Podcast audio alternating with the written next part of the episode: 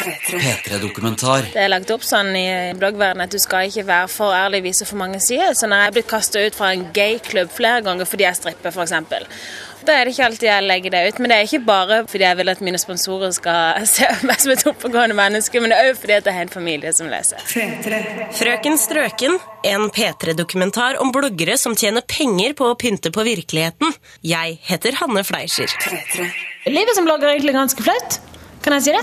Enhver situasjon må du tenke opp i mente. Det- Kan dette være noe til bloggen? Kan det ikke? Du òg involverer jo alle menneskene dine i livet ditt i denne bloggingen. sant? Det er alt fra kan du være så snill å ta et outfit-bilde, kan du være så snill å bare være med på dette bildet, kan du ditt, kan du datt. Så man føler seg ganske dum innimellom fordi at um, du jobber og blogger døgnet rundt nærmest. Og er du på ferie, så har ikke du ferie. Da var jeg ja, på ferie i sommer, i Tyrkia i bryllup, så satt jeg tre ganger til dagen med Mac-en oppe, og folk solte seg og badet. Og jeg var jo der. Jeg, bare, jeg er her, jeg bare er her inne i min lille bloggverden et lite øyeblikk, sant? Og, men vi har det veldig hyggelig. Vi er på Grünerløkka i Oslo med den høye, mellomblonde lyngdølen Belinda Jacobsen og den relativt lave brunetten fra Bergen som heter Kristin Gjelsvik. De to poster daglig innlegg på henholdsvis belindajacobsen.com og styleconnection.blogg.no om nesten alt som opptar dem i hverdagen. Er det noe spesielt liv man må ha for å kunne være blogger? Jeg tror du må være glad i mote, du må være pen, du må være tynn, du må helst være blond. Du må spise cæsarsalat, du må drikke champagne og hvitvin. Du må drikke rødvin på en tirsdag hjemme fordi det er kos med kjæresten. Du må ha fyr i peisen. Du må drikke kaffe. Alle blogger drikker masse kaffe hele tiden fordi om du ikke liker det. Og så må du selvfølgelig trene, og du elsker det.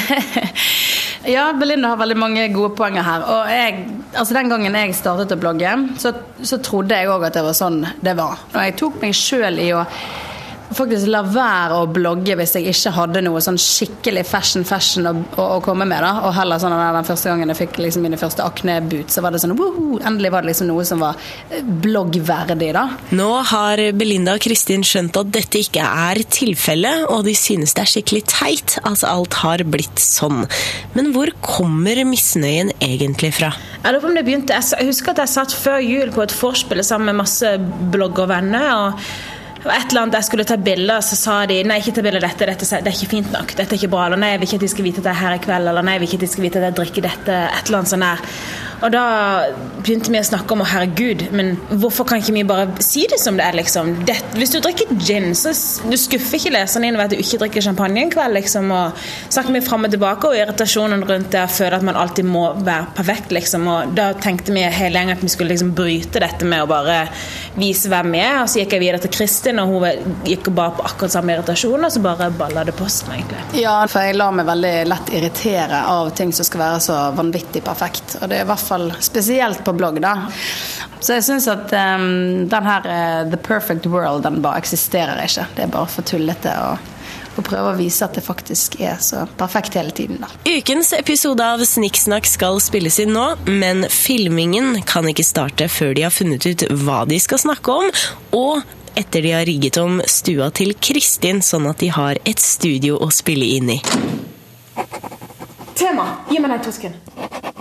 Når du vet at noe Det kan være både forelskelse Når du vet at dette her er ikke bra for deg, men du klarer ikke å la være. Det kan være å drikke for mye på byen. Det kan være å være forelska i en person. Det er et bra tema. Ja, det er et bra tema. Ja. Når du vet at du eh, holder på å gi en blowjob, f.eks., og du har Ja. veldig, veldig lyst, men du vet at det ikke er riktig. Ja. Hjemme hos Kristin på Grünerløkka er det masse farger. Rosa gardiner, sølvfarget stol, putene her i turkis, rosa, sølv, svart. Selv lampene over kjøkkenbordet er flerfarget både i skjermene og i ledningene som strekker seg ned fra taket. Ok, nå begynner vi. Er vi klare? Er vi klare? Ja, vi er klare. De to skjønnhetene skal få gjøre ferdig ukens Snikksnakk-episode i fred, og i mellomtiden skal vi prøve å finne ut om det Belinda og Kristin sier om bløffing på blogg er noe som går igjen. Ingen rosabloggere jeg har vært i kontakt med ønsker å snakke kritisk om sin egen blogging, men så kom jeg i kontakt med tidligere rosablogger Kristina Hustad Kvistad. En rosablogger i mine øyne, det er en jente, alltid egentlig fra tolv år og oppover, eh, som blogger om eh, klede. Eh, sminke, hår og ting som interesserer henne. Men hovedfokus er nok klede og mote. Som rosablogger så er nå det et fryktelig press på å være perfekt. Selv om jeg la ut eh, to bilder av dagens antrekk. Det mange kanskje ikke tenkte på, var at jeg hadde tatt 50 bilder og lagt ut de to beste. Eh, så selvfølgelig så eh, presenterer du det på en måte som folk vil oppfatte deg, og som også sponsorene Du vil at sponsorene skal vise interesse og skal fatte interesse for deg. Hvis jeg hadde hatt en dårlig dag, så var det i grunnen sjelden at jeg skrev at i dag har dagen vært ræva. Som regel så utelot jeg det, og la heller ut bilder av dagens innkjøp. Eh, og det med at jeg var ikke så veldig personlig, og jeg har ikke lyst til at eh, folk skulle gå inn og lese at eh, jeg hadde hatt en dårlig dag. Jeg vet ikke om det var for å, skape et perfekt bilde av meg sjøl. Jeg, jeg, tror ikke det var det. Jeg tror det var mer det at jeg har ikke lyst til at folk flest skulle vite at jeg ikke hadde det så bra. Da var det bedre å være litt upersonlig. Kristina Hustad Kvistad begynte å blogge når hun var 16 år gammel. Etter hvert økte lesertallene, og i samme takt begynte hun å merke pågang fra sponsorene. Til slutt ble det for mye for Kristina, og kommersialiseringen av blogg ble én av grunnene til at hun sluttet. Blogging har blitt for falskt, syns jeg. Og det var litt derfor jeg slutta. Jeg ville ikke Det var ikke meg. Jeg følte ikke at jeg var ærlig når jeg blogga lenger. Jeg har ikke ett spesielt minne som er spesielt kjipt. Eh, men det jeg husker jeg var veldig misfornøyd med, det var eh, måten folk oppfatta meg på, og som jeg fikk vite når jeg snakka med folk som ikke kjente meg som godt.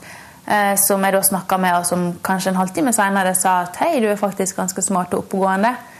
Og da fikk jeg hver gang litt sånn Hvordan tror du jeg egentlig er? Hvordan framstår jeg egentlig for folk som ikke kjenner meg? det er nok en del bloggere som ødelegger for seg sjøl, eh, og som kanskje burde tenke seg om to ganger før de legger ut visse ting. Med tanke på at det er veldig enkelt å google når du sender inn jobbsøknad og slike ting. De største toppbloggerne syns jeg er ganske flinke til å ikke dumme seg ut. Men så finnes det en del mindre bloggere og ganske unge bloggere som burde tenke seg om før de publiserer et innlegg. Rett og slett fordi noen av dem virker litt hjernedøde. Nå er det en liten stund siden Kristina blogget selv, men hun kan jo fortelle hvilket forhold hun hadde til sponsorene mens hun ennå holdt på. Um, som regel så fikk jeg ikke så klare instruksjoner om hva jeg skulle gjøre. Uh, jeg fikk som regel bare et spørsmål. Hei, uh, vi har et produkt. Har du lyst til å ta imot det? Uh, se om du liker det. og skrive en liten omtale om det på bloggen din. Det var stort sett det det gikk i. Jeg tok i grunnen aldri imot et produkt og skrev at det her er dårlig. Da lot jeg heller være å skrive om det de gangene jeg ikke likte det. Og det er vel pga. at jeg er veldig snill og har ikke lyst til å såre folk. Så da tenkte jeg at det var bedre å ikke skrive noe som helst. Og da kjente jeg at det stakk litt i samvittigheten. For jeg tenkte sånn, åh, nå har jeg tatt imot en ting gratis, og den som ga meg det, fikk ingenting igjen. Så det kjente jeg på av og til. Eh, men samtidig så tenkte jeg at ja, men da, da gjorde jeg leserne en tjeneste denne gangen. Jeg ble ikke direkte pressa til å skrive ting som jeg ikke mente. Det var vel at jeg pressa meg sjøl til å, å, skrive litt ekstra positiv omtale fordi at det, produktet var så dyrt og gratis. så, um, men det, det, presset la jeg kanskje på meg sjøl. Det var ikke sponsoren som la på meg. Det var samvittigheten. Uh, men etter hvert som uh, vi ble mer og mer sponsa, det ble mer og mer fokus på det å tjene penger, så mister det litt av sjarmen. Og slik som det er blitt i dag, så har det bare blitt altfor mye. Jeg syns ikke det er gøy å lese blogger lenger engang. Jeg leser svært få blogger. Eh, fordi at jeg, jeg får ikke så masse av det. Jeg kunne, jeg kunne like gjerne lest et reklamemagasin.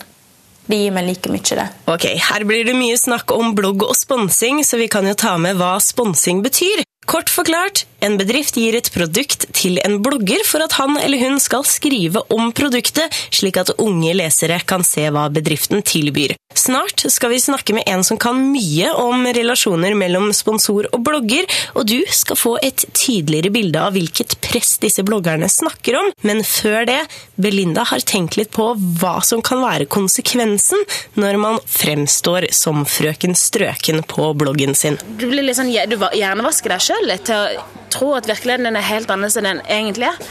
Det eneste jeg tror problemet blir, det er jo det når du går ut av huset og møter den virkelige verden, og du må fortsatt være like perfekt som det du er på papir eller på nett. og Det tror jeg kan bli veldig slitsomt for mange å hele tida måtte opprettholde den fasaden som de har skapt for seg sjøl.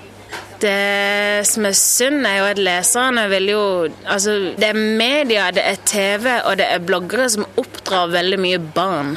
Fordi at de tilbringer ekstremt mye tid både på nett og bak skjermen. Og når de daglig følger en blogger eller ti og ser det perfekte liv hele tida, og så kikker rundt seg sjøl og bare Ja, men her hjemme er de rotete. Her hjemme det spiser ikke mye bare lavkarbo. Her hjemme så spiser ikke jeg kun frukt og frokost. Jeg trener ikke fire ganger til dagen. Huden min er ikke airbrusha i virkeligheten. Sant? Håret mitt er ikke så langt og fyldig som alle andre sitt, og jeg har ikke så mye tøy.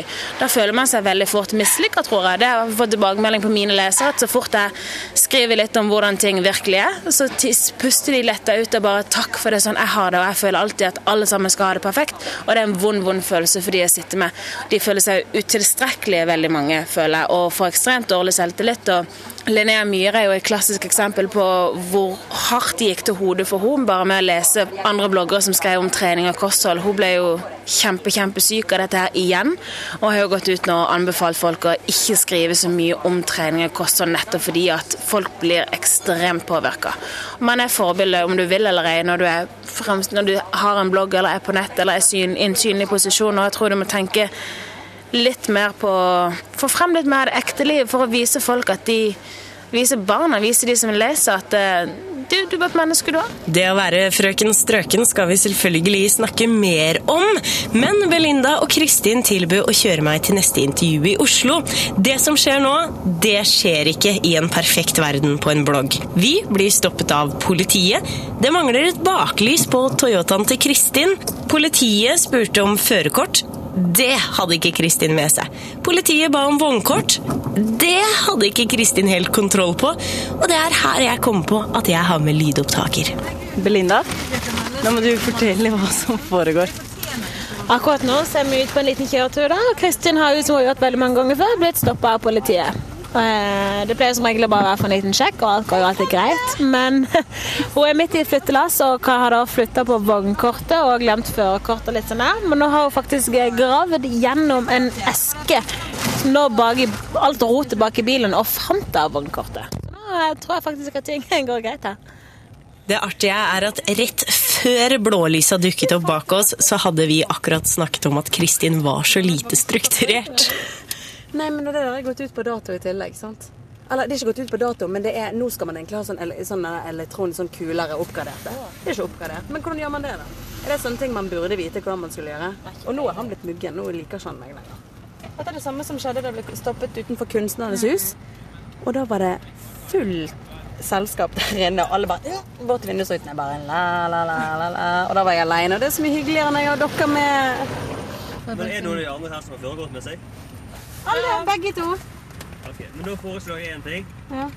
At jeg skriver ikke noe på deg nå. Ja. Du får bare en advarsel, Ja. for dette er noe du må med deg. Ja. Mot at en av dere som har førerkort, kjører bilen. Snakk om å bekrefte at jenter kan slippe unna med mye. Ingen bot denne gangen heller. Ja. så da kan de skrive. For det, vi har på en måte nok til å kunne skrive på deg nå. Oh, ja, OK. Sant? Ja, jeg skjønner det. Og det. er kjedelig å få de eh, hvert fall 1500 kroner. Ja, det er veldig kjedelig. Sant? Men eh, du får advarsel nå. Takk skal du ha. Ha det. En ting jeg tenker på, Hvor er mitt førerkort? Jeg har alltid trodd at det lå oppi, oppi den lomma der. Den bilen er litt morsom. Har du kjørt Yaris før? Yes. Jeg ble jo litt spent og begynte å lure på hvordan Kristin fikk til det her. Hun kan jo forklare det sjøl. Jeg prøvde å sjarmere. Vet ikke hvor godt det funket. Det begynte bra, men han ble bare sur etter hvert. Eh, men OK, jeg slapp unna min advarsel. Hanne må nå kjøre bilen. Du skal oppover til høyre, ja. Hanne må kjøre bilen, og jeg sitter bak i bagasjerommet, holdt jeg på å si, for å lære en lekse. Det kommer selvfølgelig på bloggen. Badass women på tur. Vi kom jo fram til slutt, da. Så nå kan vi snakke med en av mange eksperter på sosiale medier. Han er en slags evangelist i bloggverdenen. Thomas Moen har jobbet med blogging og bloggere i ni år. Han var med å starte bloggportalen iPublish, og har skrevet en fagbok sammen med Cappelen Dam som heter 123 blogg.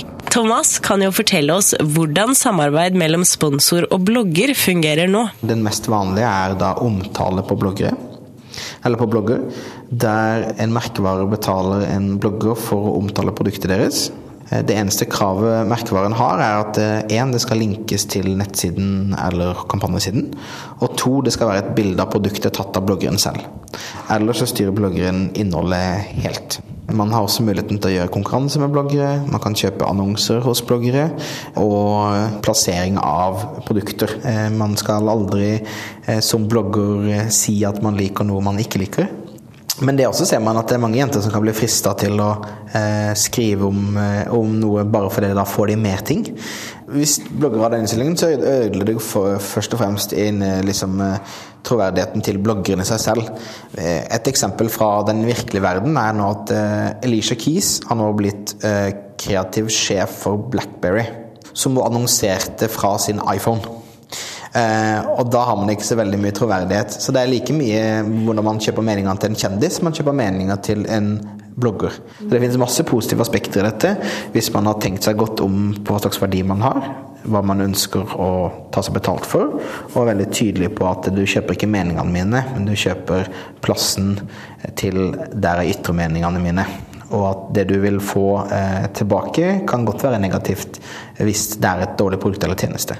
Jeg hører ofte det at bloggere kanskje føler seg pressa til å skrive eh, positivt om merkevarene. Eh, og det er jo selvfølgelig ingen tvil om at en merkevare som betaler penger, ønsker å få best mulig resultat. Men hele poenget med å gjøre et kommersielt sammen med en blogger, er å få eh, en mening, en tilbakemelding fra noen som har en troverdighet hos et publikum.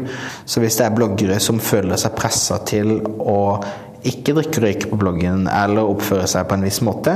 Jeg syns at de burde få lov til å oppføre seg som de selv ønsker, men de må forstå konsekventen at da får de ikke oppdrag. Men det er sånn den kommersielle verden fungerer. Så eh, det handler ikke så mye mer om bloggeren skal føle seg presset eller ikke, men det er om bloggeren ønsker å selge sjela si og fortelle til leserne sine det annonsørene ønsker, eller om de ønsker å stå for sitt eget innhold. Og Personlig så mener jeg det er mye bedre med en blogger som sier sine egne meninger og fremstår ekte og troverdig til leserne sine, og den vil ha en helt annen eh, emosjonelt utbytte av å blogge enn en blogger som sier akkurat det annonsørene vil og fremstår picture perfect. Så jeg mener at det er en problemstilling mest til hva slags innstilling bloggeren har til blogginga.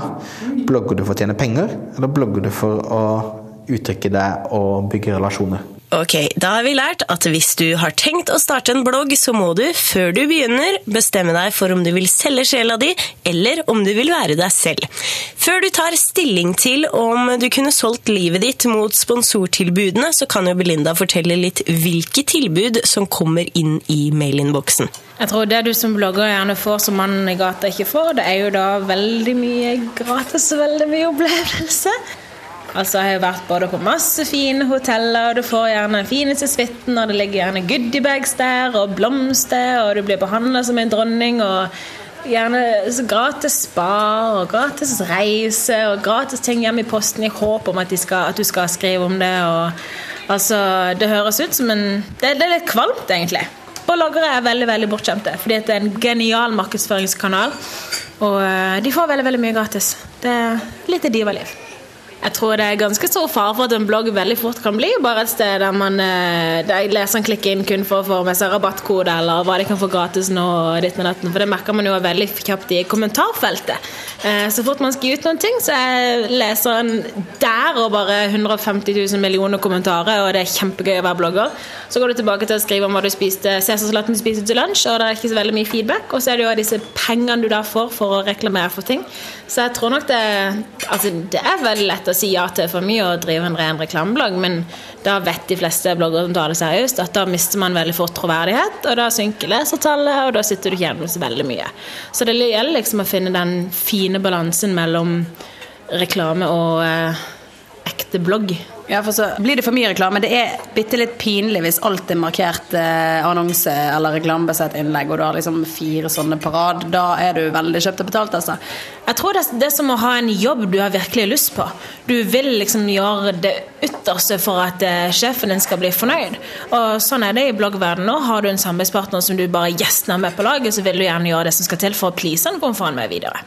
Du kommer jo ikke akkurat dritings inn på kontoret til sjefen, men eh, samarbeidspartnerne dine er jo på en måte ikke sjefene dine heller. Så kanskje man skal eh, tenke litt mer eh, over å velge samarbeidspartnerne sine med omhu for å kunne stå enda friere og vise seg sjøl frem enda mer. Jentene føler at de er ansatt hos noen som de gjør plass til på bloggen sin. Hm. Jeg er spent på sponsorenes perspektiv. Hendrix Liam er den store høvdingen for Hendrix Hair. Frisørsalongen sponser de fleste toppbloggerne i Norge, og jeg tok turen ned på en av salongene da han arrangerte et Vixen Blog Award pre-party, og her skal han forklare hvilken effekt bloggsponsing har hatt for hans bedrift. Eh, Veldig ofte så tenker vi at eh, bloggerne er eh, våre venner. Og det er på en måte som god gammeldags jungeltelegraf, bare at i, med, med teknologi. Da de, får på en måte, de har mye større bredde i forhold til å nå frem til eh, sluttbrukere, pga. at veldig mange av sluttbrukerne følger dem og har de som forbilder. Og etter vi på en måte så effekten av en, hva en blogger kunne gjøre, så tenkte jeg vi må ha alle. Før du melder din interesse, er det noe spesielt du ser etter? Det er jo stort sett basert på bilder, det man ser på blogg, eller hos bloggerne. Så vi velger jo ut ifra hvordan, si, hvordan bloggerne fremstår rent sånn eh, visuelt. Jeg tror de fleste, særlig toppbloggere og kjente bloggere, de, er, de tenker veldig gjennom hva de skal skrive. Og de, de, jeg tror de gjør en del eh, at de sjekker, de sjekker gjerne hva de skriver, og at alt står riktig. Det tar for meg et eh, scenario her nå. Hvis eh, det har vært en innom og fått hair extensions og ikke er fornøyd, eh, får bloggeren da lov til å fortelle om sin misnøye? Det har jo skjedd et par ganger at det har, eller det har vært tilfeller der extensions ikke har fungert 100 men vi har såpass gode garantier av Dette var et langt svar uten at han egentlig svarte på det jeg egentlig spurte om. Som journalist er det bare én ting å gjøre i slike tilfeller, og det er å ta kontakt med en annen sponsor for å høre om det er noen andre som er interessert i å svare på spørsmålet mitt. Jeg ringte Janne Borelaug, som er daglig leder hos makestyle.no. Telefonlyd er ikke så bra på radio, men jeg fikk svar på hva som er dealen dersom bloggeren ikke er fornøyd med produktet de mottar. Hvis de ikke liker et produkt, så sier de det til oss. Og det har jo skjedd flere ganger at en, en blogger sier dette produktet er ikke helt riktig for meg. Og da sier vi vet du hva, da skriver du selvfølgelig ikke om det. Eh, da bare la det være. Og så tar du heller og så sender vi heller et nytt produkt, og så prøver du det. Så det er jo klart at Vi vil jo ikke at de skal skrive negative ting, men vi har aldri pusha noen til å skrive positivt. F.eks. hvis de skulle være litt misfornøyd med noe med produktet. Selvfølgelig ønsker ikke sponsoren negativ omtale, og det hadde jo kanskje vært litt rart om vi kunne lese om dårlige produkter på en blogg der alt er perfekt og flott. Eller? Snart skal vi til den andre siden av blogguniverset, den siden der det ikke er penger og samarbeid. Den ærlige siden. Men før det så er det ett arrangement vi ikke kommer unna når vi dykker ned i temaet rosa blogging. Ja, da er vi på Latter på Aker Brygge. Det er da duket for eh, Vixen Blog Awards, så vi har det veldig kjekt. Vi har fått litt musserende med rosa sugerør. Det kan vi like. Eh, ja, vi er veldig spente på å ikke bare møte våre medbloggere i denne bransjen, men også selvfølgelig se hvem som stikker av gårde med de gjeve titlene i kveld. Det er spennende. Jeg aner ikke. Er det viktig?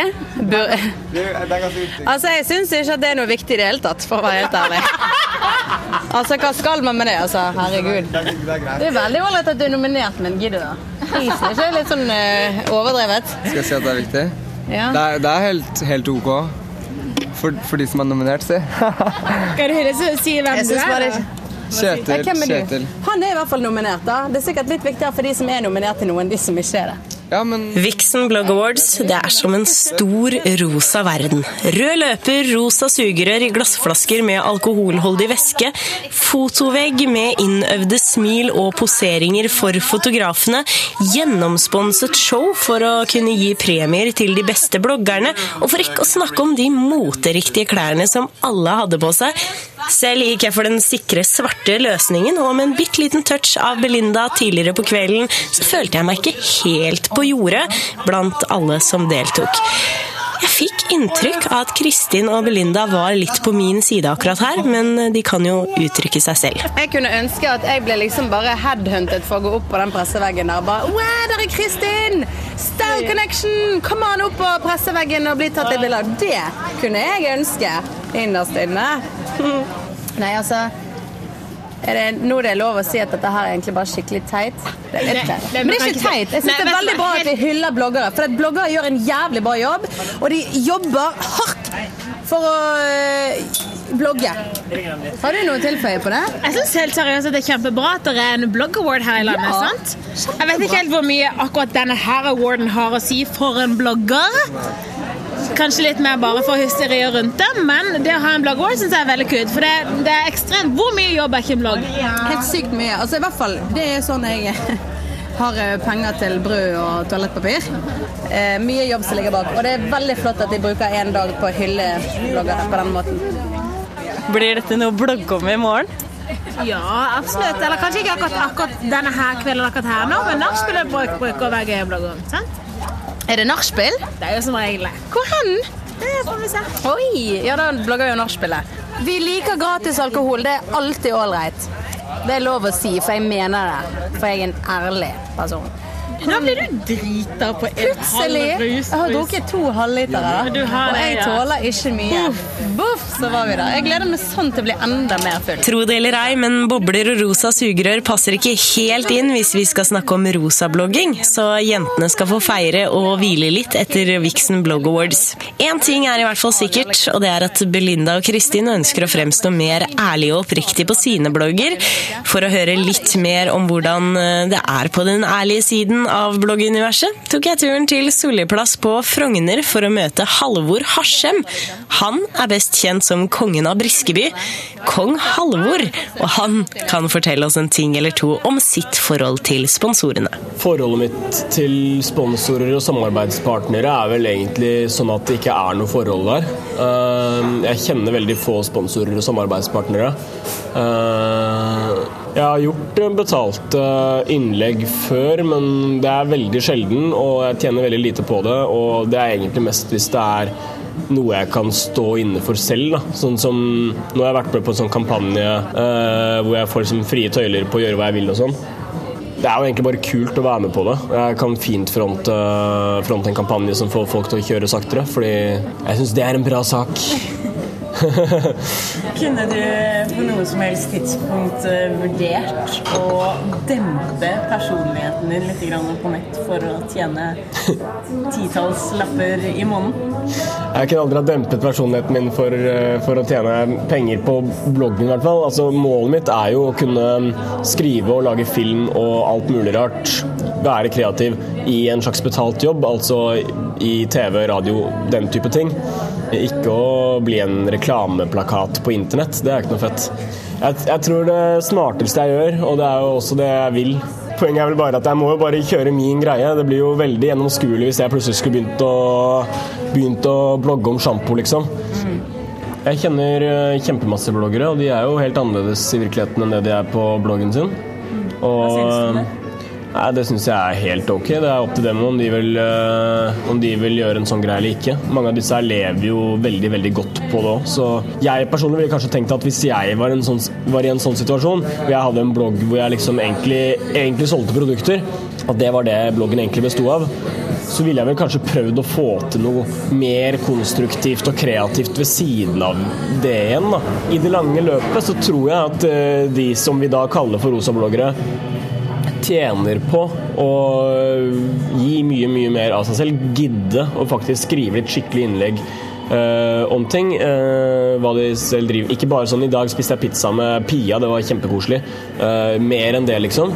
Og, og det må jo de kommersielle aktørene også sette pris på, for det vil jo bli en mer ja, da, da tror jeg at den reklameplakaten ville blitt bedre, da. Til slutt, Belinda og Kristin har nå tatt steget mot en mer reell verden på bloggene sine, og jeg lurer på hvilke tilbakemeldinger de har fått. Etter vi tok opp dette med stagede bloggliv og begynte å bli litt mer ekte på blogg, så har vi blitt hylla opp og i mente i form av kommentarer og SMS og Instagram-kommentarer og mail og overalt. Og folk har liksom bare, Jeg føler de har bare pusta ut og bare takk liksom.